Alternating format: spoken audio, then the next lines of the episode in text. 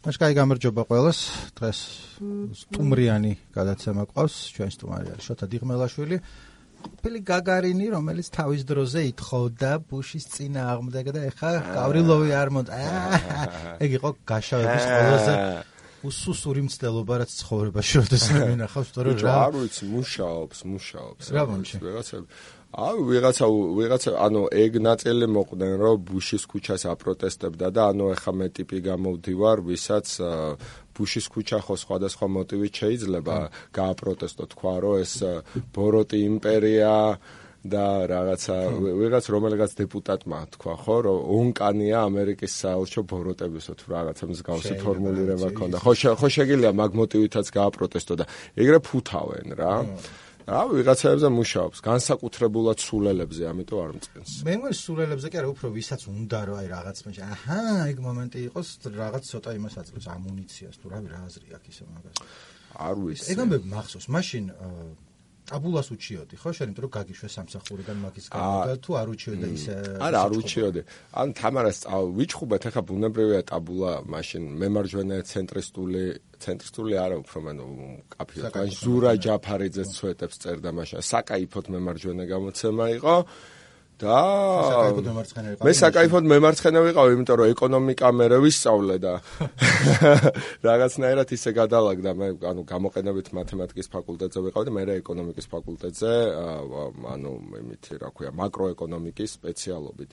ხო და ისე დაემთხვა რომ მაშინ რა ქვია პოეზია ლიტერატურა უფრო მაინტერესებდა და მოგეხსენება კულტურის ხალხი მეწილად მემარცხენეა განსაკუთრებით ევროპელი ავტორები გიომ აპოლინერი რაღაცა ფულს აგროვებდა რაღაცა საბჭოთა კრუზ ლაინერებისთვის და ასე შემდეგ. და ნუ მთელი ეს ისტორია რო გაქვს ამ ევროპული მემარცხენეობის და მთელი სარტყებით და ამბებით და ეკონომიკური ფაქტორები თან ახალგაზრდა ხარ ახლა სულ არ ფიქრობ ამ იმებზე რა ქვია რაღაცა პირდაპირ უცხოურ ინვესტიციებზე და რაღაცა ეგეთ სისულელეებზე მათ როგორ მუშაობს? ხო ცოტა კი არის მართლა თავს მაგრამ ცოტა მაინც ისა გაქვს რომ აი ხსნი ახსნა გიწევს ესეთი რაღაცის რაც вообще რა სახსნელია როცა ეგრე ამბავს გიყვები არა ამბავს გიყვები ხო ეგე შემიძლია ვთქვა ხო ტრაგზე მაკოცა ხო რა რა პრობლემაა უბრალოდ რაც мотивაციას ხსნი ცხოვრებას ვიხსენ. ყველაფერი რომ მორჩება ერთ ყვითელ გადაცემაში უნდა მევიდე და ცხოვრებაზე მოუყვე. გონია რომ ფანერში ხო? და აი ეს ფორმატი არის ხო აი 1000 მედიაში ვიყავი ცოტა შენც უნდა წაგე პათხალი ხო ყველგან ვიყავი საერთოდ და ეს არის ჩემს ყველაზე კომფორტული ფორმატი. და ქუბარდიაზე ვთქვი ამას წინათ პირდაპირ სცენიდან რომ პოდკასტი მოიგონა პოდკასტს აკეთებდა სანამ პოდკასტ მოიგო ჯოროგანამდე აკეთებდა ჯოროგანის შოუს და ზამევასება ამის გამო როლ მოდელი ისეთი ისა განწყობა მოაქვს გადაცემაში რომ სულ აი გამობრძმედილი პოლიტიკოსი იყო რომ რაღაცა დალაგებულად იქ უცებ ეშვები რა. აა ასე ლაპარაკობს მშენც ესე ლაპარაკობს. ეხა მემარცხენეთ აღარ მოიაზრებ თავს როგორ არა ეხა მემარჯვენე ცენტრისტი ვარ ანუ არ ვარ გაგანია ლიბერტარიანელი არ ვარ ანუ ეროვნული ბანკის როლის მჯერა და ანუ სახელმწიფოში ანუ სოციალური მე მე არ ფიქრობ რომ სტაბილურობა პოლიტიკური სტაბილურობა შეიძლება შეინარჩუნო თუ ძალიან ასე ვთქვათ უთანასწორო საზოგადოება გაქვს იმიტომ რომ ეყოლება ბევრი გაბრაზებული ხალხი. გასაგებია რომ რაღაცა მთავრობა ძალიან ყაირათიანი ინვესტორი ვერ არის მაგრამ აუცილებელია რაღაცა სოციალური პროგრამების არსებობა რომ ადამიანს ყოველას კონდეს ღირსეული ცხოვრების საშუალება. ეს უკვე ლიბერტარიანელად ვეღარ მაქცევს.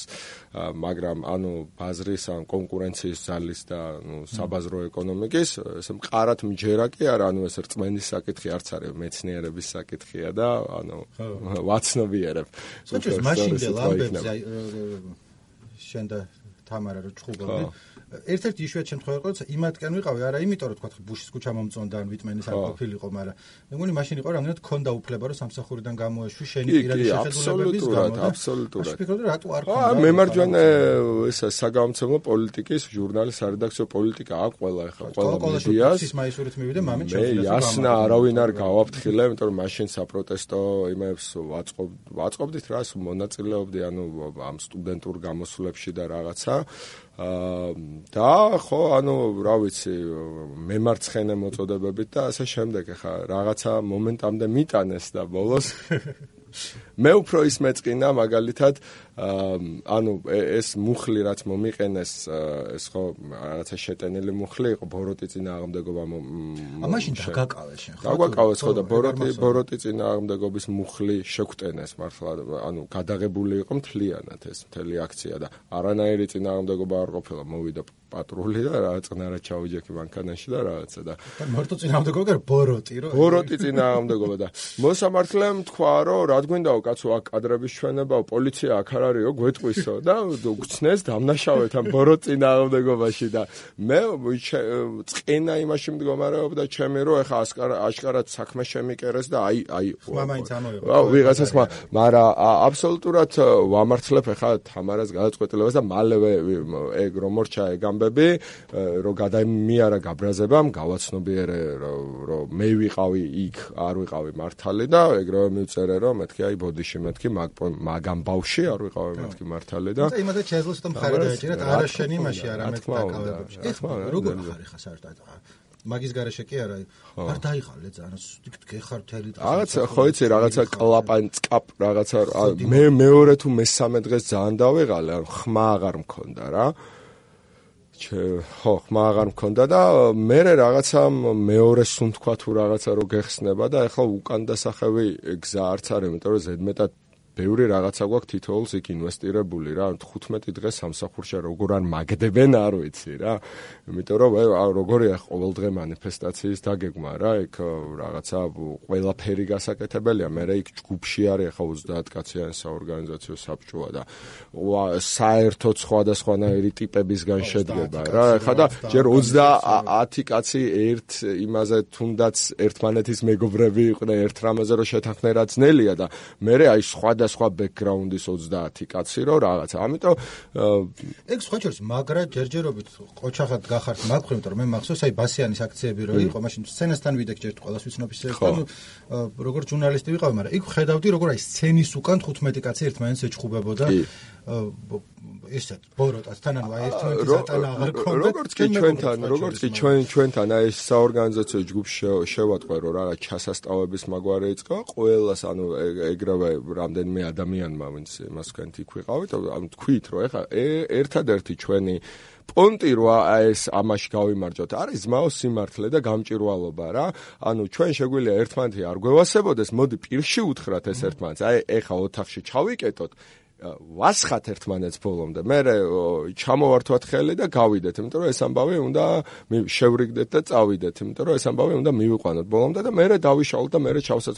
და ზუსტად ამას ვეუბნები ახლა ყველა პოლიტიკური идеოლოგიის წარმომადგენელს. ახლა მემარცხენე და მემარჯვენე სიტყვას ბევრ ამაზე ხო ვერ შეთანხმდება, მაგრამ იმაზე ხო შეთანხმდება, რომ მაგალითად აი კორუფცია ცუდია, ხო? აი ხელს ჩამოვართმოთ ძმაო მაგაზე. რო ვთქვათ, რომ აი ბიუჯეტი ხო არის, აი ხალხის ფულია რა, აი მემარცხენეებს ხო ზრუნავთ ხალხის ფულზე, მემარჯვენეებს რომ ხო ცუდი იქნება რომ აი ეს რაღაცა პირდაპირ შესყიდვები და ატკატებით ხდებოდეს რაღაცა. ცუდი იქნება. მოდი ნეპოტიზმი ხო ცუდია. ცუდია აი ესეთ რაღაცებზე ხელი ჩამოვართვათ.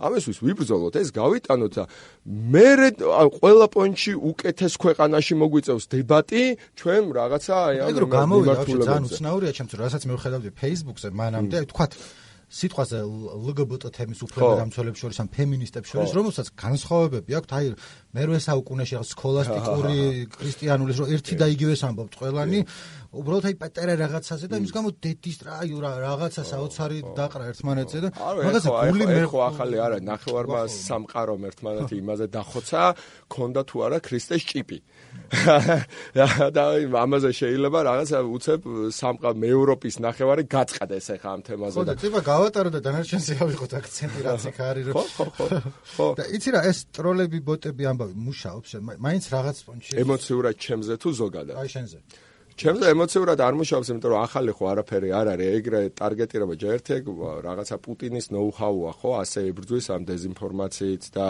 ამ რაღაცა ფეიკ რაღაცა ნიუსებით, ეგეთი რამე მოიგონეს თავისი ჰიბრიდული საინფორმაციო ომისთვის. ცუდია, რომ სიტყვაზე PR სტანტებს ჩვენი ხელისუფლება სიტყვაზე რუსეთიდან სწავლობს და არა დასავლეთისგან, იმიტომ რომ დასავლეთშიც იციან ეფექტური PR-ი რა და ეჯენდის ეფექტური გატანა, მაგრამ არა, აი უნდა აიღო რუსებისგან. ეგ არ მწყინს ახლა პირდაპირ მე რო დამატარგეტებენ ახლა რაც არ უნდა თქვან მართლა ისეთი არ მქონია რამე დიდი დაღი არ მაქვს ბიოგრაფიაში რომ რაღაცა რაღაცა დურაკობაზე ან სხვანაირად დაატრიალონ ციტატა და რაღაცაზე წამომეკიდო. ოკეი, ეგ გვერდზე გადავდოთ. ანუ ყოველთვის მექნება მაგისთვის საპასუხო, მაგრამ მეორე ნაწილი ხო ხო აი ხა შალვა რამიშვილი რომ მედროვეს გეძახ არც ერთი ხელისუფლების მომხრე რო არ ყოფილა ხო რა ეხა ნუ იასნა მან თავი ადვილია დაიცვა, მაგრამ მეორე პონტი არის ამას ხო ფული უნდა რა, აი ამ ყველაფერს რა, ანუ დასპონსორებული პოსტებია ხვდები, ანუ რამდენიმე fake page-ია, რომლებიც პირდაპირ თქვათ, რომ გამოირჩევიან, ანუ ზალადობის ანუ მოძალადე ჯგუფები არა ეს კონტრაქციები რო ხდება ხო მოძალადე ჯგუფების გავლით ხდება მარშელები ან ვიღაცები გამოდიან ვისაც აქვს სიძულვილის ენა არიან მოძალადე ჯგუფები და პეიჯებიც ესეთი არა რაღაც რეაქციონერული რაღაცნაირი აი სიძულვილის ენით მოლაპარაკე რომ აი პიდარასტების პარადი და რაღაცებს იძახიან რა ეხლა რა ხდება ხელისუფლება შედის აი ამ შაუბნელ ძალებთან ალიანსში აძლევთ მათ ფულს რომელიც არის პოლიტიკური ფული და თან არადეკლარირებული ფული. ან პოლიტიკაში არადეკლარირებული ფული არ შელ უკანონო უკანონო რო არსებობდეს.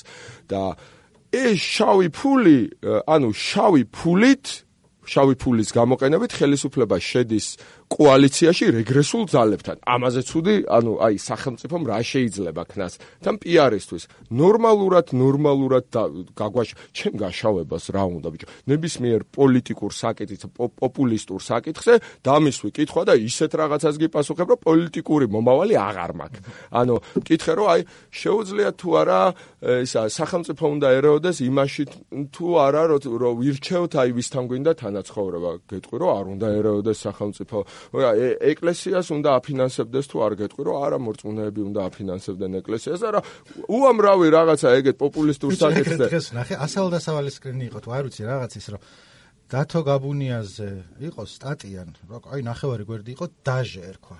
და ქვევი ტექსტი აღარ წამიგითხო სათაურის ქვას ასე წერა რომ გამოსვლისას დაჟე თქვაო გაბუნიამო და მე ბოდიში მოიხადე მგონი არ არის სწორიო და მე რომ დაჟეზე იყო გარჩევა რომელიც შორის დებულზე რა მე რა თუ რამის გაშავება გინდათ ის თქვი ღერიო ბიჭებო არ გააკეთა კარგათო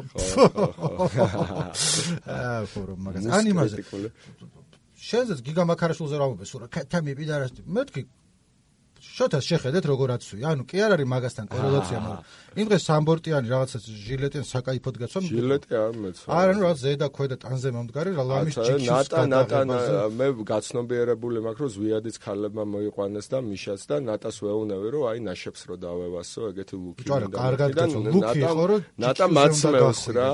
გიგა მაქარაშვილი ხა იუმორის გზნობა აქ და მაგიტომ მეგობარიო ჩვენ მაგრამ არ აქვს ესეთი ლუკი რომ ჯიქში გადაიონ თუ მაინდა მაინც პახოდის ტიპის ის არ ექნებათ.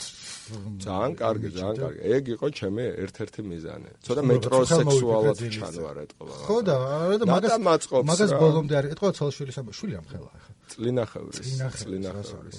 და მაგაზე ვფიქრობ რა, მაგ აქციაზეც თქვი, რომ აი წლინახევრის შვილი მყავს, ხო და ჩვენი მამები ხო გახსოვს რომ სვავდნენ და სკამზე გვაყენებდნენ და რაღაც ლექსებს, რაღაც ალილოს გვამღერებდნენ ფულს ჩუქნიდან. აა ეგ სუ აი მაგ ბაზარში მაგ სმაში იყო სუ რომ აი ესენი რო გაიზდებიან ხა აი კაი ქვეყანა იქნება და მე სწავლება იყო თვითგადარჩენის ანუ რომ აი პირველი ჩემი ის იყო რაღაცა სასაცილო ისტორია ჩემზე, რასაც ჩემი ბავშვობიდან იხსენებდნენ, არის როგორ ამიყვანა ბებიაჩემა ტროლეიბუსში, როგორ დავინახე ფორმიანი კაცი და დაუწყე გინება. და თან პატარა ვიყავი და ის კაცი ვერ შემეპასუხა და ბოლოს ჩავიდა ტროლეიბუსიდან. გასაგებია ეს ის თაობა რაღაც ძალიან კრიმინალური კი არ იყო 90-იან წლებში იყო და სახელმწიფო ინსტიტუტები მოშლილი იყო და ხალხს თავისით უწევდა თავისი ინტერესების დაცვა რა, იმიტომ რომ პოლიციაც კორუმპირებული იყო, მაგრამ ეხა ჩემ შულს აღარ მინდა ეგრე ვასწავლო რა, მინდა უთხრა რომ პოლიცია მეგობარია შვილო. აი მიდი პოლიციასთან, გემსახურება და გიცავს და რაღაცა და ვერ ვასწავლი, რანაირად ვასწავლი თუ მაგათი შეფი მოძალადეა, რანაირად შემიძლია ეს ვასწავლო და აი იმიტომ გვინდა რომ ეს ყველაფერი ბოლომდე დამთავრდეს, რომ კონდეს საშუალება რომ ჩემ შულს ეს უთხრა, რომ ეგ პრეცედენტი უნდა დაფიქსირდეს, რომ შენ მოქალაქეებზე თუ ნადირობ ძმაო ქუჩებში, სკამს დაემშვიდობე რა, ეგ ეგ ეგ მესიჯი უნდა იყოს, თორე მართლა კი არ გჯერა ეხა რომ გახარია რომ შეიცვლება მაგით რამე მართლა დიდი შეიცვლება ღარიბაშვილი რო დანიშნო რა. ანუ მაგით ხო რეალურად არაფერი არ ხდება, პროსტა ისტორიული პრეცედენტია აუცილებელი, რომ აი ამ წითელი ხაზი გაივლოს და სხვანაირად დავიწყოთ ამის მერე ცხოვრება. ხო და ფეიკებზე გეუნაოდე კიდე რაღაცას და არ დამემთავრებია ეს ძალიან საინტერესო საინტერესო რა ანუ არ აქცევენ ამას ყურადღებას მაგრამ ამ შაუბნელ ემოციებს რო აღვივებ რა ანუ ვიტალი საფაროვის ტრაგედია ხო გვახსოვს აუფლება დამცველი ბიჭი რომელიც ეთნიკური ნიშნით მოკლეს. გაასამართლეს მაგის მკვლელები მაგრამ ეთნიკური ნიშნით არ მიუყენეს იმიტომ რომ ევროპასთან თავი არ მოჭროდა და ჩოულებრივი იმის მკვლელობის მუხლით ჩასვეს მაგრამ ეთნიკურ ნიადაგზე იყო ხო ეს მკვლელობა აშკარად და აი ამ იმებს განწყობებს რო აღვივებ რა. აი შენი ვიწრო ტაქტიკური ინტერესების, როგორიც არის მაგალითად აი ჩვენი რაღაც პროტესტის გაშავება. ჩვენ პროტესტი ათასნაირად შეგიძლია გააშავო. არ უნდა შეხვიდე ალიანსში შავბნელ ძალებთან, სიძულვილის ან მოძალადე ჯგუფებთან და აი კონტრაქციების ჯგუფებთან, იმიტომ რომ ეს განწყობები მე რა შე ოკეი შენ შენ რაღაც ტაქტიკურ მიზანს შეასრულებ, მაგრამ ეს განწყობები თმაო რჩება იქ რა. მაგ ჯინს ბოთლში ვეღარ დააბრუნებ რა. და მე რა გამოიხატება იმაში, რომ აი ესე ტრაგედია იქნება როგორც საფაროვის შემთხვევაში იყო და თან ევროპაში ეგ სენტიმენტები ისედაც ხომ მოძლიერებულია რა ეგ უნგრეთში შეხედე ეგ საფრანგეთში ლეპენის ანუ პოპულარული ხდებიან ეგეთ რეაქციონერული პოპულისტური რაღაცა რადიკალი მემარჯვენე რა პირდაპირ თქვა მოფაშისტო ჯგუფები და იმის მაგრამ ფაშისტები ხო და იმის ფაშისტ ესე თამამად ვერ ვამბობ თან იმიტომ რომ არ მინდა ამ ფაშისტების ცოდვის ნიველირება რაღაცნაირად აი მოფაშისტო ჯგუფები მოდი თქვა სტინსკი ულტრაკო ფაშისტები მოდი ხუშაში რომ დადიხარა იმდენი სვასტიკა მაქვს ნანახი ტატუებად რო არა ეხო ეხო რაღაცა მიმიკრია რაღაც სისულელეა დურაკი ბავშვები არიან სტალინისტების კიდე მესმის იმიტომ რომ კაი ქართველი იყო და ისეთი პონტია რა რომ რაც გისწორდება სტალინი ქართველი იყო და ის მაინც არ შეიძლება სტალინისტები ფაშისტებს დაერივნონ და რაღაცნაირად იმათ გაარჩიონ თვალში და ო ე კაი იქნებოდა მაგრამ უფრო უფრო კოალიციაში არიან ერთად პარტიულა პირველ დღეს და მეორე დღეს სულ იყო შიში იმისა რომ აქციები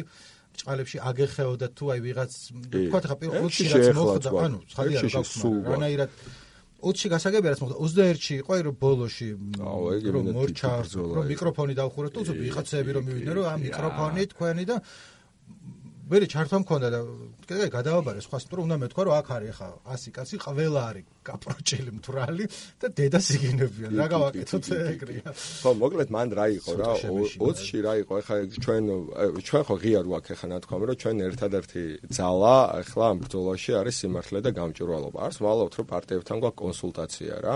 კონსულტაცია რა გამოცდილება აქვს და პარლამენტში იმათმა უნდა გააკეთოს. ჩვენ რო გვიწევენ ამ საკონსტიტუციო საკონსტიტუციო მსჯელობებზე როგორი იყოს ეს პროპორციული სული რომელიც გამოვაცალეთ ამ ადამიანებს ხელიდან ხო?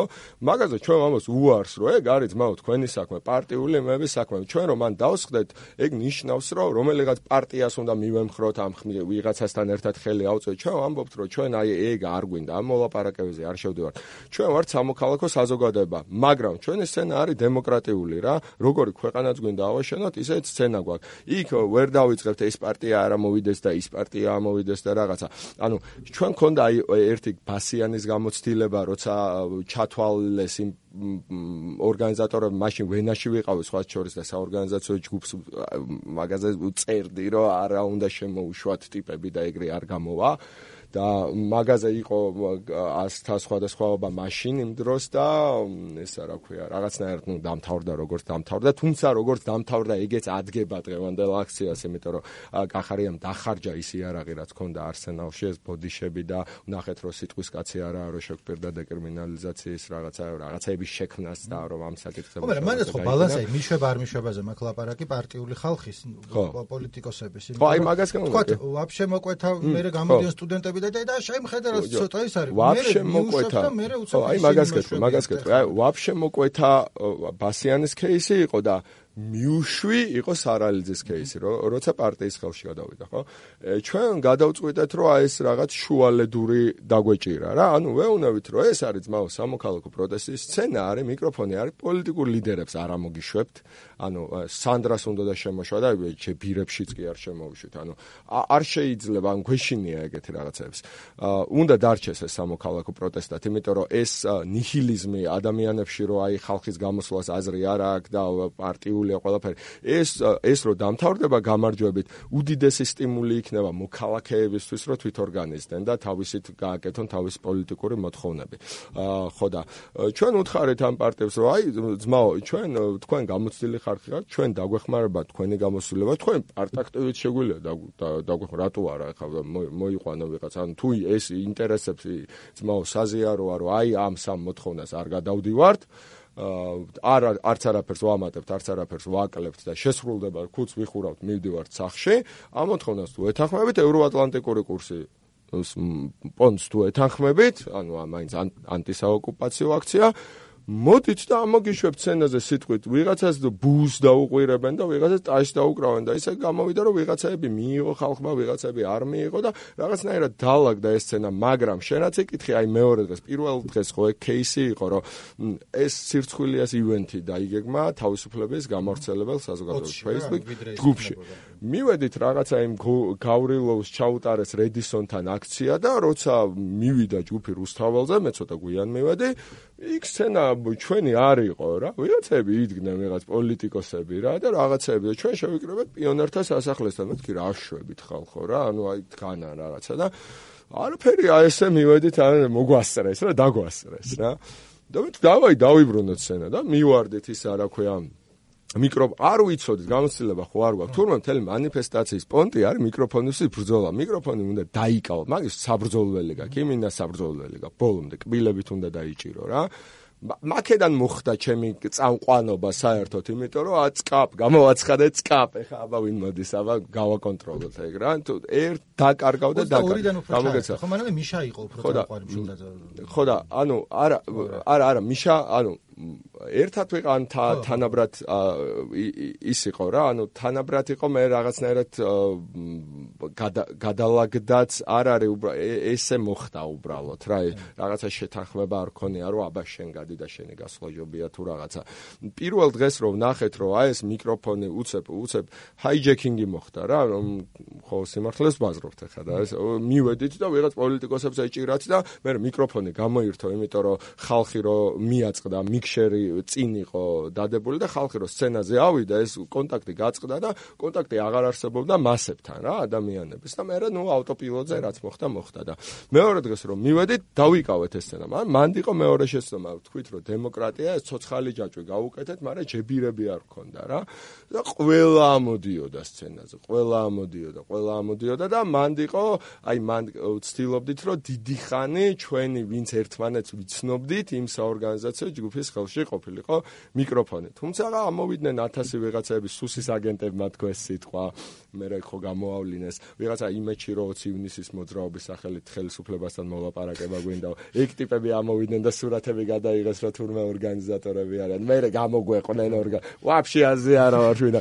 ეხა ეხა ბაზრობთ რომ ეგრე დაუტროლოთ თქო რომ მოდი ჩვენ გამოვეყოთ 20 ივნისის მოძრაობას იმისთვის რომ გამოეყვნენ ამ აქციაზე ეგეთი დიოსია. ეგ ეგეთ რაღაცეები და მესამე დღეს შედარებით დაალაგდა, იმიტომ რომ ჯებირები გავაკეთეთ, რიგი მოვაწესრიგეთ, მაგრამ სია იყო მანდაც და ეს ხელით სია რო აღარ მუშაობდა, მე QR კოდით აპლიკაციის ფორმით სია გავაკეთე, ნაკადების მენეჯმენტი რაც ვიცით რა ჩვენ ხო ეს манифестанტები არ ვართ რა. რას მიკრომენეჯმენტს ვაკეთებთ, აი პრობლემა გაიჩნდა, სოლუშენი გავუკეთეთ და ეგრე ვაკეთეთ. ის ალბათ მოფიქრებული ქონდათ უკვე მესამე დღეს რა 22-ში, როდესაც აქციის ბოლოს ერთად წავიდა აქცია სადღაცა, რაღაცნაირად წერტილი დასმოდა და ის პონტი აღარ ყოფილიყო, რომ მოდი ახლა დილამდე ვატრაკებდა კაროები და რაღაცა. ხო, დილამდე ანუ მე რამდენიმე დღის მერე აღარ გახდა საჭირო, როგორც მივხვდი რა, რომ როცა მთავრდება ეგრე დაუბრუნდეთ, ეგრე დაუბრუნდეთ. საქართველოს სამსახური იმ ხალხსაც ხო სამუშაო აქვს და რაღაც მარტო ახლა ჩვენ საორგანიზაციო ჯგუფს ჩვენი სამსახურების ხარჯზე გვიწევს რაღაც ეს კეთება, მაგრამ ვცდილობთ ახლა პროცესების ავტომატიზაციას სხვათა შორის და უკვე მივედით იმ მომენტამდე, როცა სამსახურებში შეგვეძლება გასვლა და მაშინ უკვე უსასრულოდ გაგზავნება ეს სამ გახარია. ხომ, რამდენი იქნება? ანუ რას ვამბობ, რომ თავიდან იყო, მაინც კი არ იმჩნევდით, მაგრამ მაინც ერთგვარ ტკივნეული თუ ისე ელოდებოდით, რომ გადაიკეტება თუ არა რუსთაველი, რომ აი 7-ზე არ არის იმდენი ხალხი, მაგრამ აგერ მოგროვდა და თქვა შე რო ამბობდი, რომ კი არა, ეხლა გადავიწიოთ, თორე ცოტა გიხაროდა ხოლმე გეტყობოდა. ეხლა ბოლო რამდენიმე დღე დღეს არ ვიცი კონცერტია, მაგრამ ნუ აღარ იკეტება. ხო, გასაგებია, ანუ ზაფხული არა ივლისი დაიწყო და აგვისტო იყო. თქვა არ გადადგა კიდე ერთი თვე. მე რა გრძელდება ეს, გრძელდება იქ coworking space გავუკე. რაც საუკეთესოდ ვიცით იმას, ამას ვაქცევთ პროექტად. ჩეულებრივად გავაკეთებთ ჯგუფებს დეპარტამენტებს, ჩავაბარებთ კონკრეტულ საქმეებს, სურვილი გამოთქვეს რაღაც კომპანიებმა, რომ რაღაც coworking space-ში მიიღონ მონაწილეობა და რაც საუკეთესოდ გამოგდის, იმას გავაკეთებთ რა, იქ გავაკეთებთ დიდ სამუშაო სივრცეს და რაღაცა სცენას, სადაც გამართება რაღაცა საუბრები, ლექციები ადამიანებთან შეხვდებიან, იმიტომ რომ იქ დგომაც რომ პროდუქტიულად გამოვიყენოთ. გასაგებია რომ ეხა აგვისტოში აა ეხა 10000 კაციანი აქციები ყოველდღე ვერ გექნება იქნება, თუმცა ის რაც შევძელეთ თუ თუნდაც ხალხის გამოყვანის თვალსაზრისით, რავი, 7 ნოემბერი 5 დღე გრძელდებოდა რა და მე 15 დღეა და მარტო 4 დღე გქონდა ისეთი, რომ ქუჩა არ გადაიკეტა რუსთაველზე. ანუ ხალხის თვალსაზრისითაც დიდი მიღწევა და იქ თავების თვლას თუ არ დავიწყებ კიდე და ტელერეიტინგებს შევხედა, მთელი საქართველოს ჩვენ გვიყურავს. დღის თავარი ნიუსი ეს არის. ჩვენი მიზანი ახლა ეს არის, რომ შევინარჩუნოთ ეს პროტესტი დღის მთავარ ნიუსად და უცხოურ უცხოური მედიის რაღაცა ობიექტივებიც ჩვენკენ იყოს მომართული. ამას ვახერხებთ. ამას მოვახერხებთ აუცილებლად. ამ პატარ-პატარა, ასე ვთქვათ, აქციებს რაღაცა ზებრა გადასასვლელებზე ტრანსპარანტები, ვიღაცები ვაწუხებთ ამ ხალხს. გახარია სადაც წავა სამი უზელიანი ტიპი გაყვება და ტვინს გახარავს. ანუ სუ ესე იქნება, ეს არ მორჩება სექტემბრიდან ისო მას მასობრივი აქციები. და ხელისუფლებამ იცის, რომ ეს კაცი აუ ტოქსიკური პოლიტიკოსია უკვე რა, ანუ პოპულარული პარტიის რეიტინგს დაბლა წევს რა. პარტიაში ჩიგნით განხეთქილებები აქვს, იმიტომ რომ გამოუტაცეთ ეს რა ქვია პროპორციული და ეხლა თავისუფლ ცალკე თამაში შეუძლიათ რა ტიპებს რა, აღარ არის რომ აი პარტიაში თუ არ ხარ და კბილებით უჭირავ ჩიგნითაც ეს და ჩვენ ჩვენ ჩვენი სირთულეები რაც ქონდა გადასალახი, უკვე გადავლახეთ, პროცესები კარგად დავამენეჯეთ, დავალაგეთ. ეხა ავტოპილოტზე წავა ხალხს კონკრეტული ვალდებულებები ექნება. დროის მენეჯმენტიც გამოგვივა ისე რომ ჩვენ ცხოვრებაში ანუ ძალიან დრამატულად არა ისახოს ჩვენ რაღაცა ჩეულებრივი სამსახურებში როგორ პროდუქტიულები ვართ. უნდა გამოხდეს რაღაცა კონტექს იქნება, რომ მე ვფიქრობ შენზე რაღაც ბოლოში რომ ვიყავი რომ მეთქი რანაირად არ დაელია სათქმელი ბევრი ხანი გავიკო პირველი დღე მეორე დღე მეოთხე მაგრამ ერთ და იგივე ყოველ დღე ახარ სისულელეებს ააკეთებენ და მაგას ეხა გააკეთეს რა გააკეთეს? ბიჭო გავგიჟდი გუშინ დავაკვირდით იმაზე ვიყავი გასულ ინტერვიუს ვაძლევდი და იმ ფანტანეს ადგილი შუაში ეს რაღაც მოკუნძულო რაღაცა რო არის იქ ვიყავი და აყროლებულია იქაო რომ მე დავაკვირდი რომ ეს შადრევანია გამორთული რა. ანუ კალაძე მხო ის ჯებირები მოგპარა მესამე დღეს თუ რაღაცა და სცენა მოგპარეს და მე რეძლივს დავითრიეთ და მე ეკრანს ვერ შოულობდით, იმიტომ რომ ბიზნესი ესე თავისუფლად სუნთქავს, რომ რო იგებდნენ რომ ის არის, რა ქვია, აქციისთვის გვინდა არ გვაძლევდნენ თუ რა პიკაპებს ვერ ქირაობდით და ასე შემდეგ და მე ეხლა ვნახეთ რომ შადროვანია რა, ისა და ჭაობდება ბაყაყები, მკვდრები ყრიან ქვემით საწყალი ბაყაყები. ისა რა ქვია და ჩაჭაობებულია და სუნიასდის ცუდი. აი ხვდები აი ყველა პატარა რაღაცა ესე მოდი აი შადროვანი არ ჩაურთოთ საფხულში და აი ჩაშრეს და ჩაჭაობდეს და სუნმაში აწუხოს ხალხი და მაგიტო არ მოვიდა. ვერ ხვდებიან რომ მაგათი სიმყრალის მეტაფორაა ეგ პარლამენტი რო ყარს მაგას იმაშვები და რა ვიცი ძმაო გაუწმინდავთ იმ იმას ჩვენი ჩვენი ხელით როგორც ვალაგებთ იქ რა ქვია. აი რამდენი მუშაობს ხოლმე არ ვიცი 7 ნოემბრის აქციები რო იყო მაშინ ხო გამოუფინეს პარლამენტის გვერდზე იყო უზარმაზარი პლაკატი თუ რაღაც ჩამოწორი გაბადრული ოპოზიცია და რაც ბანძი კარიკატურები ახატა იქ ვინც იყო ნემესი და მაშინ ვფიქრობ აი ეს ვინმეზე მუშაობს და უბრალოდ ინსე შვები რომ რაღაცა ხო რა არ ვიცი ვისაც როგორ შეუძლია ახლა ყველაფერი ხო ამ ზედა ფენებში არ წდება რა ზედა ეშელონებში. ვიღაცა ხუთოსანი ქვეჩინოვნიკები ხო ხო არიან ვიღაც გამგებლის ბიჭები ვიღაცა ცოტა დაწინაურება რომ უნდა თავის პოლიტიკურ კარიერაში და ალბათ ესეც სისულელებს იფიქრებენ და ისინი ცეონებენ რა ხო რავი მინდით როგორ ჩვენ დეცენტრალიზებული იცი რა აღიარ რომ კარგი ახნის განმავლობაში შალვა რამიშვილი მე ვასაბოდა ესეთი მეც მაგრად მე ვასაბოდა გაიძვერა ჭკვიანი ტიპის ისეჭირა რომ თან ნიჭიერი იყო თან ფული ავასებოდა თვითონ როგორც ამბობდა ხოლმე რა ხო ჩესნე ტიპი იყო. ხო ჩესნად ამბობდა რა ესეთი ვარ და რა პრობლემაა ვინც მეც გადამიხდეს იმის ხო მაგას პატივს ვცემდი რაღაცნაირად აი თათიას ამბებამდე რა იქ ეგრო დაიწყო მე მეთქი არ შეიძლება ეგეთი ისა და ეხა საერთოდ იმიტომ რომ რაც მეგონა რომ ეგ მაინც ქონდა რომ აი რაღაც ფულს მიხდიან და ვაკეთებ და მე აი რომ ვიდეო ჩაწერე ჩემზე ჯიმიზე რომ გავოცდი არა იმიტომ რომ აი შენ რა დაგეძახა ხა მუდმივი თინეიჯერი თუ რა რა ხო მაგრამ მე გამიკვირდა რომ ეწყინა მაგაზე ნიშნა არაფერი არ გითხოვს. მაგის რაღაც დებილურ კლიპზე ვთქვით რომ ხა ობიექტურად არ არის რა რატო გაუწყდა თქო ხო იცის თვითონაც რო არ ვარ გადა თუ არ იცის და ის გონია რომ აი ეხა რასაც აკეთებს ეგ არის კაი რა ვიცი. ჯო არ ვიცი მაგას მგონი იმაში აქ დარხეული რომ ადრე cool იყო რა. cool ტიპი იყო ხვდები, ანუ ახალგაზრდობის ყველაზე პროგრესული ნაწილი кайფობდა მაგაზე რა. სწორხარესაც რო არ გარიყო, აი cool იყო რა, ანუ კრუტოი ტიპი იყო, ან ხვდები, ანუ აი იძახდა რომ აი ხო გახსოვს ძველი 202-ის ისინი რა, ანუ პოპულისტი არ იყო, ანუ რეზონირებდა აი საზოგადოების ყველაზე ესეთი ინფლუენსერ და cool რაღაცა მაგ ეგ იყო მაგის ტარგეტი რა. და ეხა გადავიდა იმ ველში სადაც ვერ მოიგებს იმ ხალხზე ვიზე ჩალვა მუშაობს მაგ ხალხ ჩალვა არასოდეს არ დაევასება. აი რაც არ უნდა გააკეთოს და როგორი აი ხატევი იერუსალიმიდან ცეცხლები რო არ ბენინოს არ გაუსწორდება ჩა ნული შანსი აქვს და გაიჩიტა უცე მაუგლივით რა. ტიპი არც ადამიანია არც ცხოველია და ყველასგან მოძულებული და სიმართლე გითხრა ცოტა მეწოდება კიდეც გაბრაზებული ვარ მაგრამ რაღაცნაირად აქამდე მეწოდებოდა მე ბრაზმა გადაფარა და ეხა ბრაზის და შეწოდების რაღაცა ეკვივალენტური დოზა არის რაღაცა ეგრო ფიქრობ მაგრამ აი რაღაცნაირად ის არის რა რომ რისი გულისთვისთან არა ხო რავი, კაი რა, რამდენი უნდა გადაგიხადონ, მართ ყველაფერი ფული ხო არ არის რა. ანუ შალა ყოველთვის იშოვის იმდენ მაყუც რომ ნორმალურად იცხოვროს რა. ეხა რაც არ უნდა აკეთოს და რაში ჭირდება ეს რომ რა მორალურად დეგრადირდება მართლა ვერ ხვდები და რა ვიცი, მეგობრული რჩევა იქნება თვა არ დამიჯერებს ამაზეც ალბათ რაღაცა ჩაწერს ვერ და. ეხა გვისმენს ალბათ ხო, მაგათ ხო ისე აქვთ ხოლმე რომ სისხლს ფსავს ალბათ კი არ გვისმენს, ვინა გვისმენს და სისხლს ფსავს მართლა. ხო ხო და ეხას რა ვიცი. აუ ის ჩვენ ჩვენ რა მეგობრული რეკომენდაცია მეცეთ ანუ მტრობა რა ნამდვილად ამ ჭირა არც ერთი მტერი არ მჭირდება ცხოვრებაში. ინათოს იყვარულით მოვდივარ სუფთა ხელებით. ხელებაცეული შვიდობა შვიდობა ეგრო დავიწყეთ მეთქი არ. დღეში რამდენი ხანი აქ ამ აქციების ორგანიზება რაღაცებს გარდა იმ შვიდზე აი გეტყვი გინდა დღის რეჟიმი. აა მოკლედ დილით ვთქები დილა უკვე 12 საათია იმიტომ რომ გვიან წვებით მაგამდე მივალთ.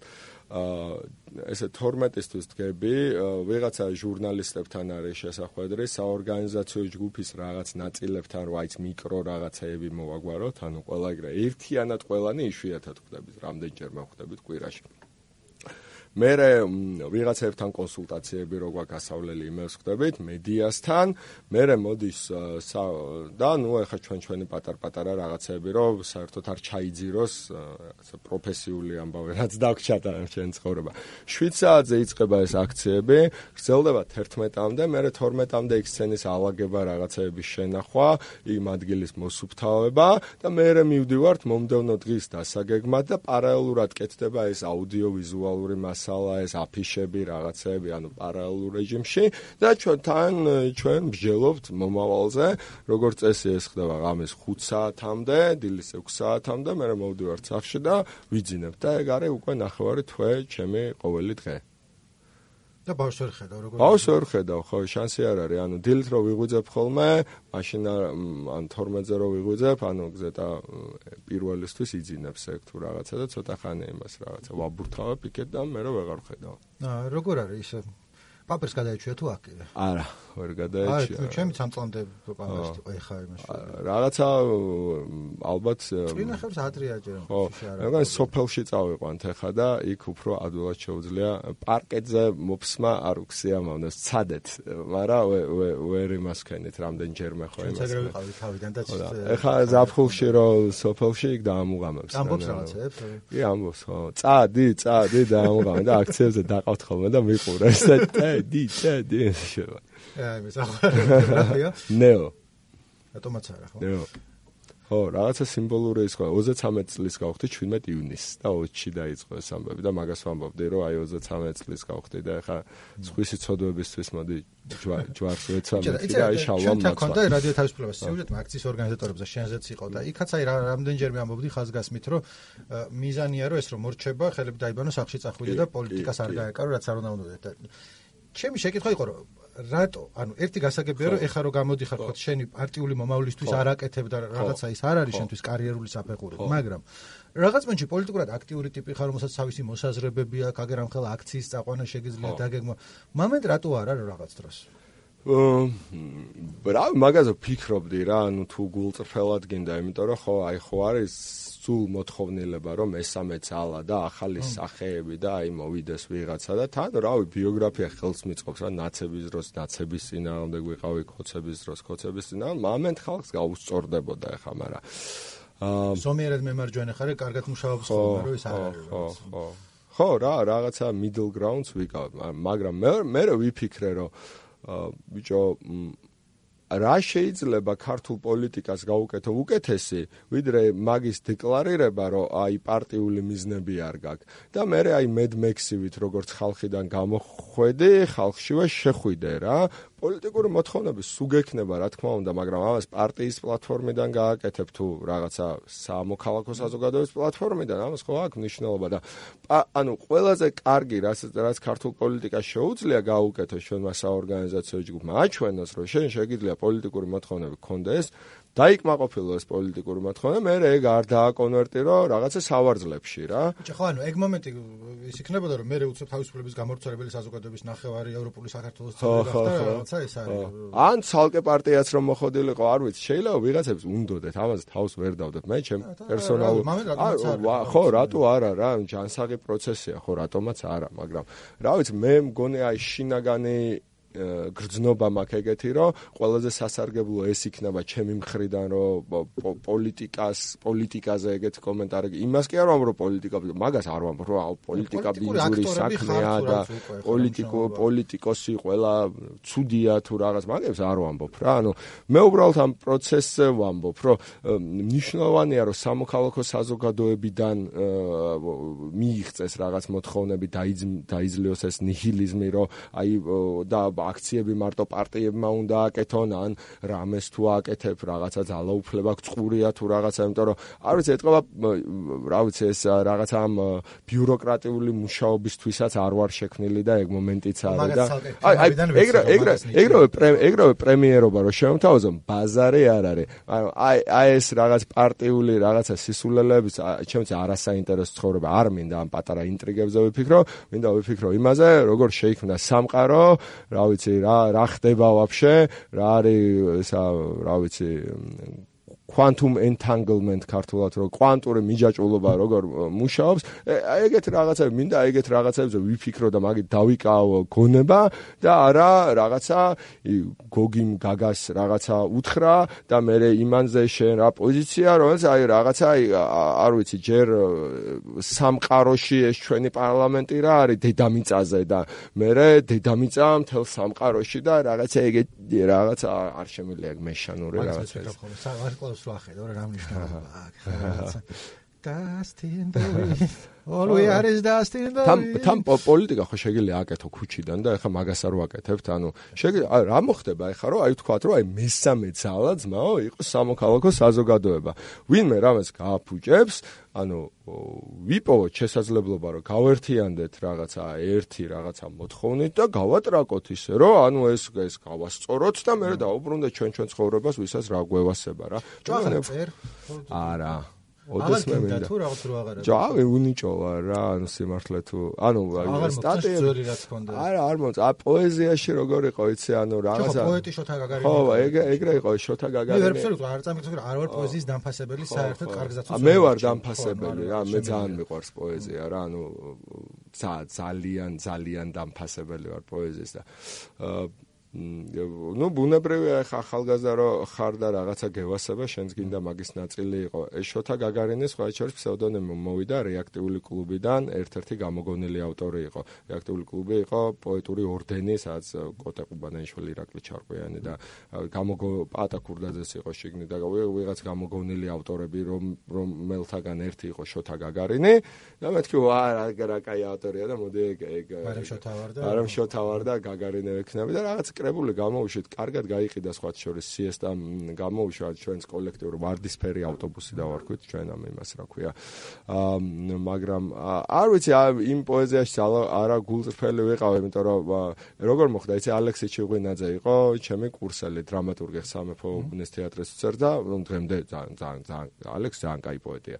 და ამოდის პირველ კურსზე ვარ გამოყენებით მათემატიკაზე და ალენ გინზბერგის ლექსს მანახე და დავიშოკე მეთქი ეს რო ესე წერა შეიძლება ჩვენ ეს არ ვიცით თუ რაღაცა ეს კლასიკა რას მეუნები რაღაცა და ვახ შევედი რაღაცა გუგლეთ რაღაცაები და ნახეთ რომ პოეზია სხვა რამეა და რაც მე მასწავლეს პოეზია საერთოდ სხვა რამეა და უცებ ხვდები რომ ვა პოეზია მევასება მათემატიკის ფაკულტეტზე ვარ და პოეზია მევასება. დავაი მოდი რა გავაკეთო და დავაი მოდი რაღაცა მოვხოდოთ რამდენიმე like minded ტიპის სხვა შორის ზურაჯიშკარიანი მაშინ კუნფუ ჯანგესოლი მაშინ აღმოაჩენ ლიტერატურა ჩი იყო საიტი და იქ გამოაქვეყნა ერთი ლექსი და გავგიჩდით და მე და ალექსანდრე ძებნა დავიწყე და მე პაატა ჩამოგია. რა ოხერიგის ნერვებს მიშლის ხოლმე, თორემ ძალიან ცავაია. სიმღერებს წერს იმაშობა თან მიდასის შეხ ყველაფერს ოქრო დააქცევს რა. ხო და თან ყველაზე აუტანელი რა როგორი საყვარელი და ურთიერთობაში ხეთ ჩემ მეგობარი არა რამდენჯერმე მქონდა შეხება და იმდენად აი მოგეწონება ურთიერთობაში ლუბო ის რომ ლუბო ის რატო თქვი? არ ვიცი გაგვიტრა კონ მოდი ინგლისური სლენგიც გამოვურიოთ ხოლმე და დაბალანსდება. ინგლისურს ვერ ვერიდები ხოლმე მომდის და ვატორმუზებ და რუსული თავისით მოდის. მოკლედ ზურას სიყვარულები მაგის თქმა უნდა. ხო და იმას ქენით რა რაღაცა გავაკეთეთ ეს რაღაცა ლექსები აქეთ იქეთ რაღაც საღამოები გავაკეთე მე მე მივხვდი რომ ეს ვიპარავ რა ეხა აი ჩემი არ არის რა ანუ ვიპარავ და დებილობა ეხა რა ანუ მაგაი უნდა შეეშვა და გამოვედი მაგ რაღაციდან. სტატიებს წერ ეხა რომელიც ა Forbes-ის რა 2011 წლიდან Forbes-ში სტატიებს ეხა არ მინდა ესე გამოვიდეს, მაგრამ სტატუსებსაც ძალიან კარგად სტატუსებს წერდა ესეთი ხელუკუღმა კომპლიმენტი გამოდის, რომ ვითომ, მაგრამ რას ვამბობ, რომ თქვა აი ეკონომიკაში რაღაცა ხდება, საკაიფოდ ალაგებ ხოლმე რასაც ბევრი წამიკითხავს ალბათ შენზე უფრო მწოდნე ხალხის რაღაცები ინფლაციაზე, რომელიც გასაგებიანით ბჭყალებში არის დაწერილი, ვერაფერი ვერ გავიგე, ეს საერთოდ დებილი ვარ მაგამ ბავშვი. შენი მესმის ხოლმე. ხო, ანუ ეგ ეგ ეგ ეგ ეგ მინდა, ეგ მინდა რომ ვიყო. გავიგე რაც თქვა და ბაზარია ხო მომწონს რაღაცა მხატვრული თხრობა და არტიკულაცია კარგად იმის რა ანუ აზრის და ხო რა ეგრე გამოდის და მომავალში არ გამორიცხავ ახლა რა იმიტომ რომ რაღაცა მოსაყოლი რაღაცები დამიგროვდა და შეიძლება ანუ რაღაცა აუდგე და უყვე რაღაცეები იმიტომ რომ ერთია რასაც სტატიებში ვწერდა იმის უკან სხვანაირ რეალური ისტორია სხვა არის ხოლმე. მე შეგან წერა იცი რაც არის ასევე ხელკუღმა კომპლიმენტია მაგრამ არის ცოტა წერს კარგად საერთოდ. შეიძლება შენი პოეზიით უკმაყოფილო იყო, მაგრამ ნუ ახლა ხო, ა პროზაზე, პროზაზე ვაფშე არც მიფიქრია, იმიტომ ჯერ ერთი არ ვიცი ცხოვრება მინდა რა, ხო ხდები, მაყუთი არ აქვს და წელიწადში ერთხელ საბა მოიგო და რა, ანუ აი 26-ად მაგით იცხოვრო, ანუ გაყიდვები ხო, ანუ აზრი არ აქვს მაგას. ტიტანური შრომა, ანუ რომანი რო დაწერო, არის ტიტანური შრომა, რამდენიმე წელი უნდა იმუშაო და აიღებ ჰონორარად 2000 ლარს თუ რაღაცა. ჟურნალისტიკაში სიტყვების რაოდენობას ყიდი პირდაპირ. ხო, ხო, იმაშო. ისეთი რაღაცაა რა ეს ხატრული წერა რომ უნდა გასკდებოდეს და იმიტომ წერო აი არ შეგიძლია არ შეგიძლია სხვანაირად. და მე შემიძლია სხვანაირად რა უყო რა ოსი პოეზიაზე მოვიტყვე რამდენიმე გამიგე ერთხელ გამიგია კი არა მოსულა ახლოს რა რომ სახში მაგრამ ჩემს მაგაცებს ვამბე ფიდო საყვარელი ზაღარ არის ცოცხალი დიდი ადამიანი იყო და დათვრა და ობლოკავშტანახ მაიაკოვსკიდან წაიქცა ნაწყვეტი რომელიც მაიაკოვსკის ბაღდათელი ვარ მე თვითონ მაიაკოვსკი ვიცი მაგრამ მაიაკოვსკი ერთ-ერთი ჩემს საყვარელი პოეტი ის რომ მოვისმინე, გამოვიპარე KP-დან. თან დიდი მესამე კურსზე ვიყავი თუ რაღაცა სახში მაიაკოს წავიკითხე უბლაკავში.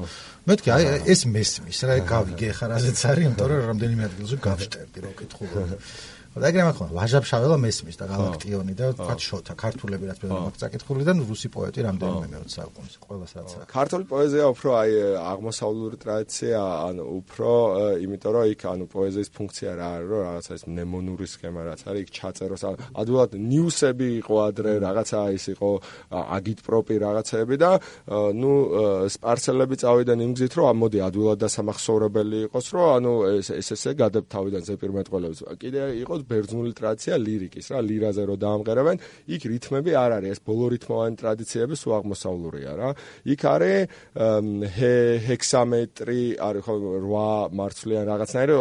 ოღონდ ის არ არის რა. ანუ არ ერითმება ერთმანეთს და მაკედან შეგვიძლია ეს თავისუფალი ვერსიის ვერლიბრის და ვერბლანის ტრადიცია.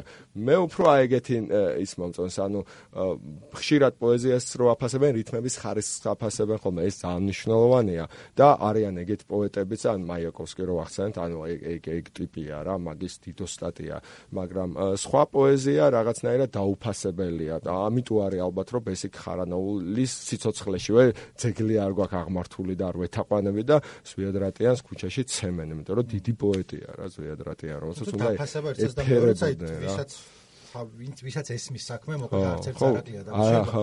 ხო მაგრამ ცოტას რო ესმის ან სკოლაში უნდა ასწავლიდან ამას რა სკოლაში უნდა ასწავლიდან პოეზიის კითხვას არა პოეზიას არა პოეზიის კითხვას რა პოეზიის კითხვის უნდა Facebook-ზე დამინახავს მოწიწება და პატრიცია ბესიკ ხარენაულის მიმართ უბრალოდ არა ირაკლი ჩარკვიანის მიმართ არ მინახავს ეგეთი რომ კიდე გაიგებ რაღაცა და მე მგონია რომ აქ ბესიკ ხარენაულის ხორებაში ძეგლი კიდევ ერთხელ მე არ მესმის ბოლომდე მაგრამ ნუ იმ ხალხს ვისაც ესმის გრძნობ აი რაღაცა დაფასების ტალღას ცოტა ხალხი ხო და არასაკმარისია და რა მეტი არის საჭირო რა.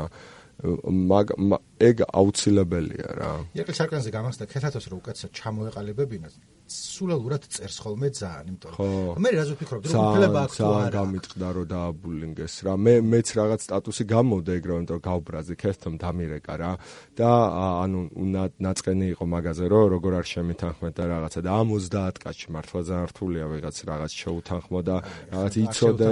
შეძლო სხვანაირად დაეწერა. თუმცა რაზეც მე და ბოდიში მოუხადა და უთხარი რომ ქეთათო ანუ მე ესე ვთვლი, ანუ ჩემი აზრით ირაკლის ეს ძალიან გაუსწორდებოდა, რომ აი ახალგაზრდული პროტესტის ჰიმნი ყოფილიყო, მაგრამ შენ თუ არ მოგწონს ეგ ბაზარი არ არის, ხა ანუ შენ ანუ გააკ რა, საავტორო უფლებები ეგრეა და კაი, აღარ გაუშვებთ ამას. მე დაწერა რაღაც სტატუსი, რომელიც ფორმულირება ცუდად გააკეთა და მე ძალიან გამიტყდა, რომ ამდენი ხალხი დაესხა თავს და რაღაცა ისრები გახარია და კეთათოზე გამოიტანეს და ეს ბრაზილი. თან მეორეჯერ შვება და თან ის არის, რომ ორივეჯერ სიმართლე არსობრივად ანუ მართალია ნუ რა სიტყვაზე რომ ეთხოვა ვიღაცისთვის ქართული ოცნებისთვის რომ ირაკლის სიმღერები არ დაუკრა თქვენ შეკრებაზე, იმიტომ რომ გაუწდებოდა ხო არავინ არ იტყოდა რომ არა გაქვს მაგისი უფლება. ან მომენტ რომ ვიცოდეთ რომ გულით ქოცია თუ რა ვიცი რაც ქვია და არევასება ხო, მაგრამ ან ვერ ჩამოაყალიბა. ხო, რაღაცაც ანუ დიდი ხანია მაგ ბრძოლაშია რა. ანუ ხო ხდები ეგ საქართველოსში თან არ არის ესეთი ბრძოლა. მე არც ვიცი ამ ბრძოლას აზრი აქვს თუ არა, იმიტომ რომ მონეტარიზება მაინც ხო არ ხდება რა მაგ მუსიკით. ანუ მე მაგალითად ანუ უფრო ვიფიქრებდი რომ აი ჰოლოგრამა კონცერტებით მონეტარიზება გავაკეთო და პირიქით სტრიმინგებზე დავდო რომ პოპულარობამ შეიძინოს რომ ამ კონცერტებზე მეტი მოვიდეს, იმიტომ რომ იმ საავტორო უფლებებში რაღაცა მიზერულ რაღაცებს რაღაც რაღაცა ანუ YouTube-ზე მაინც ყველაფერი მოიპოვება ინტერნეტში და ანუ აზრი არ აქვს ეგეთი. კაიტოს ის აქვს რაღაცა რომ აი როლი აქვს აღებული კი არა ერგო ეგო რომ რაღაცა დაიცვას ეგრეობა თქო. ცოცხალი იყო ის კაცი და ოროთახიანში ცხოვრობდა. ხო, ხო, ხო. თავის დროზევე რაღაც საშუალება მაგისი და. ხო, ანუ დაჟე შემიძლია თქვა რომ აფასებ კეთათოს მაგ ბრძოლას მე არ ვეთანხმები ანუ ეგეთ განწყობას რომ ანუ ემოციური პლანი სხვა არის და ანუ რასაც რაციონალური სხვა რაციონალურად ანუ კან კანონის თვალსაზრისით მართალიც არის ამ მე ამ საავტორო უფლებების კანონს ეს კარგად არ ვიცნობ. ხო, ეგ ის არის, იმაში შეიძლება არის, შეიძლება არ არის, არ ვიცი რა დროს როგორ შეგიძლია დაუკრა. ხო, ხო. მაგრამ მის კომუნიკაცია იყო და რა ვიცი, ხსმენელებსაც მინდა უთხრა, რომ შეიძლება ბრაზდებით კეთათოს ამ პოზიციაზე, მაგრამ კეთათოს აქვს უფლება რომ ეს პოზიცია კონდეს და ეს პოზიცია არაფრით რაღაც ბოროტი პოზიცია არ არის და ჩასაფრებული ადამიანის პოზიცია. ჩანდა სავარაუდოდ ლექსოზე, მაგრამ რავი, რა მნიშვნელობა. აი ლექსოზე რო აიჭრა შეიძლება ჩემი ეგეთ ჩემი ბრალი, ამიტომ ვიღაცამ დამირეკა და ლექსო ანუ ლექსო და მუსიკა ხო ახლო ცნებებია და მე რო რაღაცა მუსიკაზე მინდა სცენიდან სცენიდან ხო მიკრომენეჯინგს ვერ ვაკეთებ ეხა ვინ ჩაირთოს და რაღაცა რო აი მუსიკის როა როა ხოლმე აი რა ჩავრთო და აი ლექსოს კითხება უნები ეგეთ რაღაცებს და ავტომატურად აი ეს ისრები გადავიდა ლექსოზე შეიძლება მაგიტო აიჭრა ლექსოზე რომ ჩათვალო რომ ლექსომ განგებ ჩართო ეს რაღაცა ანუ მის კომუნიკაცია იყო და მგონი არ ღირს ეხა ამაზე მithumetes ხო არა ლაპარაკი ღირს პირიქით უნდა ვიმსჯელოთ მაგრამ მგონი აი კონფლიქტი არ ღირს მithumetes ქეთათოსთან იმიტომ რომ რა ვიცი ძალიან დიდი საკონფლიქტო გვაქვს აქ რაღაცა თვალი დაკარგეს ადამიანებმა და ჯობია ფოკუსირდეთ სწორ რაღაცეებზე რა. იმათ რატო ლანწეს შენ პირადად უსუფაშვილი და ალეკო ელისაშვილი? ეგ თვითონ კარგად ვერ გავიგე იმიტომ რომ მე ვნახე იმათ არ მილანწოს არ მილანწოს არა ხალატი ეხა ფიგურალურად არ მithქვამს ანუ რა არ მომეწონა იცი ანუ ჩვენ ნათქვამი გვაქვს რომ არ ვსხდებით მოლაპარაკების მაგიდასთან რა. კონსულტაციებს გავდივართ აბსოლუტურად აბსოლუტურად ყველა პარტიასთან გავდივართ კონსულტაციებს რა. ანუ რომ არ დარჩნენ, ანუ არ გამოვარჩევთ პარტიებს. ანუ ვამბობთ რომ თუ ჩვენ ეხა რაღაცა ფორმატი გვიწევს ისეთი რომ ამაში თქვენს მონაწილეობთ, მაშინ აქ ეხა გარჩევას არ დავიწყებთ რა. ის პარტია და ეს პარტია დასხედით ყველა, აუ რა ჩხუბი აქვს ხოლმე იცი რა. საერთოდ აი თქვენ 7 ნოემბერი და აგერ აქეთ და აგ რა ძალიან გაწევ გამოწევ. და ესა რა ქვია და ჩვენს დავსხდებით და მოდი ასე ვიბაზროთ ერთნაირ ფორმატში და რაღაც კონსენსუსები გვაქვს რომ ჩვენ ვამბობ რომ ჩვენ მოლაპარაკებს მაგიდასთან ანუ მოთხოვნებს აღარც ვლაპარაკობთ რომ ვიღაცებს ბუნებრივია უნდათ რომ ეს რაღაცა უფრო რაღაცა ჩამოვაგდოთ ივანიშვილი ჩვენ თქვით რომ აი ეს არის ჩვენი მოთხოვნები და ამით მე ვიშლებიდე და არჩენზე მე პირიქით მაგალითს ვაძლევთ სამოქალაქო საზოგადოებას თუ ბევრი ხალხი აი ჩამოვაგდოთ ივანიშვილი თვით ორგანიზდებიან და შეიკრიბებიან რა. მაგაზე გავიარეთ ეგ ამბავი. ის ხო და თქვით რა რაღაცნაირად ჩამოყალიბდით რომ მოდი აი მოლაპარაკების მაგიდაზე არ მივდივართ რა. არაფერზე სავაჭრო არ არის გახარია უნდა გადადგეს მაო რა. ამ დროს პლენარული სხდომა იმართება სადაც ეს ირაკლი კობახიძე გამოიღეს ამ ნაფტალინიდან გაძლევს წავიდა სადღაც და ტიპი ამოიღეს დასვეს და წამყვანია და კალაძე უზის გვერდზე რომელმაც თქვა რომ ხუთით ხუთით გით ადრე რო არ გაგვაფრთხილეთო იმიტომ არ გაგაფრთხილეთო ჩვენო სროლამდეო რა და მე კიდე დაამატა გუშინ რომ ესო დარბევა კი არისო კაცო რა ვიცი ტყვიები გადავაწოდეთ манифестантებსო თუ რა სასაცილო ხუმრობა იყო დღეს რომ მოგერიება და შემდეგი რომ შემდეგი რომ დარიგება. დარიგება იმაში და ხო და ეს იმართება რაღაც პარტიის პლენარული სკოლა და არა რაღაც გაფართოებული მსჯელობა სიტყვაზე რომ როგორი იყოს ეს რაღაცა ახალი არჩევნების წესი და რაღაცა რა თქვა იმაზე იყო და ესეთი პარტიულ რაღაცაზე ტიპები მივიდნენ ჩვენგან შეუთანხმებლად და მე რა უსუფაშვილისგან მეწყინა რომ ეხლა ეჭქვეშ დააყენა ეს გახარია გადადგება თუ არ გადადგება რაღაცა ეგ შესავალი ქონდა რა. ჩვენ ეხლა უკვე მოვიგეთ იმიტომ რომ ეს რაღაცა ის და დიდი მადლობა და არ მოგვეწონა ეს რომ ერთი შეუთანხმებელი იყო ჩვენ არ ვართ მიჩეული ეგეთ რაღაცებს რა. ანუ არ ვიცი პოლიტიკა ვიცით რომ რაღაცა მოლაპარაკებები არის და მე ადულად ირღვევა მაგრამ ჩვენ ჩვენ ეგრე ვართ მაო სიტყვას რომ ვიტყვით ავიცი რა, მოდი დავიცვათ ეგ სიტყვა. გამიტყდა, ადამიანურად გამიტყდა, გადავაჭარბე რეაქცია ხალატი, საერთოდ სხვა რამეა ახლა და აი ზურგში დანა და რაღაცეები რიტორიკულად გადავაჭარბე, მაგრამ ობიექტურად საწყენი ამბავი რა. ისე რო თქვი რომ იქ ერთმანეთს ერევიანო სულ ფიქრობ როგორ 7 ნოემბრის ამბები ხო დიდწილად მე გაправება იყო რომ დათო ბერეზანიშვილმა თქვა რომ შევიდე დღესვე დავამთავრეთ ეს ხელისუფლება რითაც ამბობდნენ რომ სახელმწიფო გადარტილების საფრთხე იყო და ნუ უგულავა იყო დიწილად ის მაგას ამბობდა და ეხა როგორ აქვთ მეთქი ერთად აი მაგაზე მემუარებია მე დეკადების წინები აქვს აგროველი რო ვინ ვინ როდის სადრანაირად. აი საყურებელი კი ცალკე სერიალი იქნებოდა იმ ნაციონალების და ევროპული საქართველოს სიყვარული. კი მაგრამ მათაც ანუ მადლობას ანუ მადლობას იმსახურებენ ეგენიც იმიტომ რომ შეძლეს ანუ აი ჩვენ რასაც ვამბობ რომ მოდი ჩვენ ჩვენ პატარა განსხვავებულობები გადავდოთ მით უმეტეს ან დიდი განსხვავებულობებიც მომენტ და კონცენტრირდეთ ამ ამ რაღაცა სამართლიან მოთხოვნაზე. მათაც შეძლეს და რაღაცა პროაქტიულ რეჟიმში ჩვენი თამაშის წესებზე წამოვიდნენ, რაც იმათაც მერე პარტაქტივთან თავიანთან თავის გაправება უწევთ, რომ აი იმათაც აბულინგებენ რა, რომ აი რა შვები ძმა. მიშაც იქ რაღაცა ალბათ მუსკბენს, რომ აი ქუჩაში რაღაცები ხდება და არა. ა კი კი კი კი. სამჯერ მქონდა გადაკვეთა, ერთხელ მქონდა გადაკვეთა. ის იყო რა ქვია, დამოუკიდებლობის დღესთან დაკავშირებით პარადები ხო იმართებოდა და რა ერთი 12 წლის წინანდელ ამბავს ვიხსენებ ალბათ. მე და ალექსი ჩიგვინაძე ვიყავით მაშინ ხიპები რა, ახალი აღმოჩენილი მქონდა ეს ბიტ თაობა და რა რაღაც ძელი თმა მქონდა რა რაღაც მძივებით დავდიოდი და რაღაცა ტოგა მეცვა თუ რაღაცა გადავწყვეტეთ რომ დავაი ძმაო ტრანსპარანტები და ეგეთ სამხედრო სლელობაა ძმაო და მოდი დავაი ჩავდგეთ ესა ფის რა ანუ ეგ ეგ გავაკეთოთ რომ აი შვიდობა და შვიდობის რაღაცა და რაღაცა ყვავილების ფესტივალი იყო თან და იმას განით რა მიშა მოდიოდა და გაუშალეთ ეს ტრანსპარანტი რა და დაცვა მეგროვი ჩაგვტე ხარ, რაღაცა ხელები გადავიღეს, ცოტა ვიჩხუბეთ, გამოვიქეცით იქიდან შარდენზე მიდიო ერეკლე მეორედან ესე შემოუარე და წინ გადმოვხდით, აი ზუსტად რომ შემოდიო და ესე გადმოვხდით, აი ეს წინ ამას და მიშა გვიყურებს და თავის შვილი ყავდა პატარა, ნახე შვილო, ჰიპები. უი რა кайია და მოვიდა ხელი ჩამოგვართო და წავიდა რა.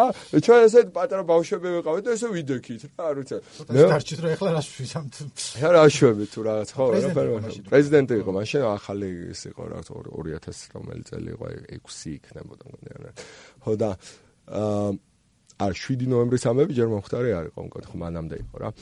და ანუ 7-მდე იყო და მეორე იყო რეზერვის პროგრამაში ისო მე და ალექსა გავიჩითეთ იმაში რა ქვია თან ნიკა ჯანჯღავასთან და ისო ისო ესა საშიში კაცია ხო საშიში იმ გარეთ რომ შეხედავ იმას ასე ეგრეთ წოდებული მარშ ბრასოკი გაგვიკეთა კრწანისიდან გვარბენი და კოჯრიდან გვარბენა. კრწანისამდე და თან ეს პონტი იყო რომ დაიძახებდა რაღაცა ადექით თუ რაღაცა ანუ ლეგენდარული ტიპი იყო სიმკაცრით რა და ამიტომ დავიძინე ჩაცმულმა რა რომ აი უცებ რომ დაიყვირებდნენ 15 წამში ვდგარიყავი ესე რა.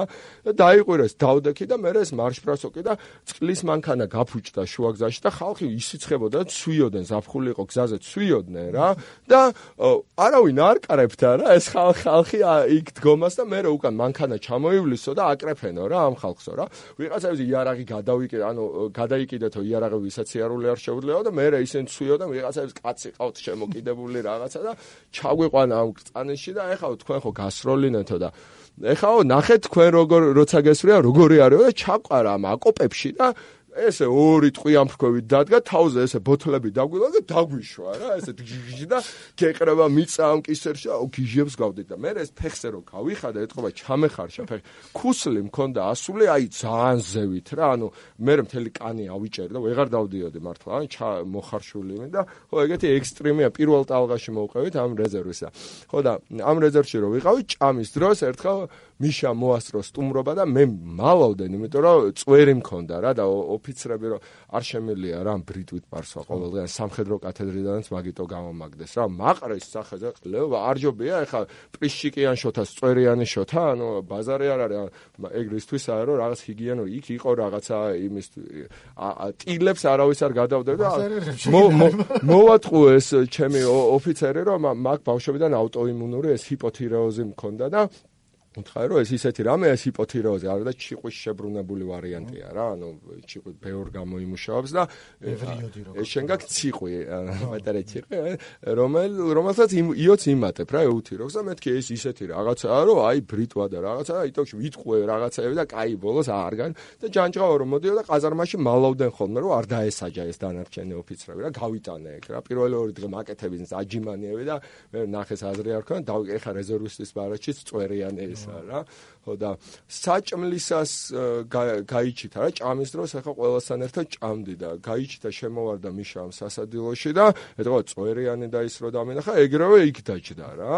და აიო ჩემ დროსო ნახეო ამისთვისო რაღაცაო იმას გვიზავდენო რა ქვია გავგტყებდენო თუ რაღაცები ლაპარაკა და აი რა კაია ახლა თქვენ რაღაცა ესე თუ რაღაცა და მეთქე, ო, კაი და გავაგზელე ჭამა რა და არაფერი. ეგ იყო მე ჩემი და მიშას ორი შეხვედრა. აა, მესამე შეხვედრა მქონდა კიდე მერკურის დაჯილდოებაზე, მე ფორბსის რედაქტორი ვარ და ბიზნეს დაჯილდოება და იქ გამოვიდა სიტყვით და რო გადიოდა კომენტარის აღება მინდოდა, გავეკიდე რა და ეს ცოტა შიშარა ტიპი ხო იყო რა და რო დაინახა რომ ესა გამოვეკიდე ან თვითონ უკვე მანქანისკენ მიემართებოდა და ნაბიჯს აუჩქარა რა და მე მეც აუჩქარა და აზრი რო აღარ ქონდა და რო ვეწეოდი თან დაცვას ანიშნება თვალით რომ მოდით მოდით მოდით და ბოლოს ესე შემოbrunდა ჩამოვართი ხელი და თან ჩანთა მიკიდე აქ რაღაცა ვიღაცა ტიპი ვარ რაღაცან არასოდეს ისე არ მაცვია რა ანუ ისე როგორც ოფიციალური მე შეესაბამება და თან როცა ღვინოა ხა მევასება ღვინო სვავ თან ცოტა მთვრალი ვარ თან რაღაცა და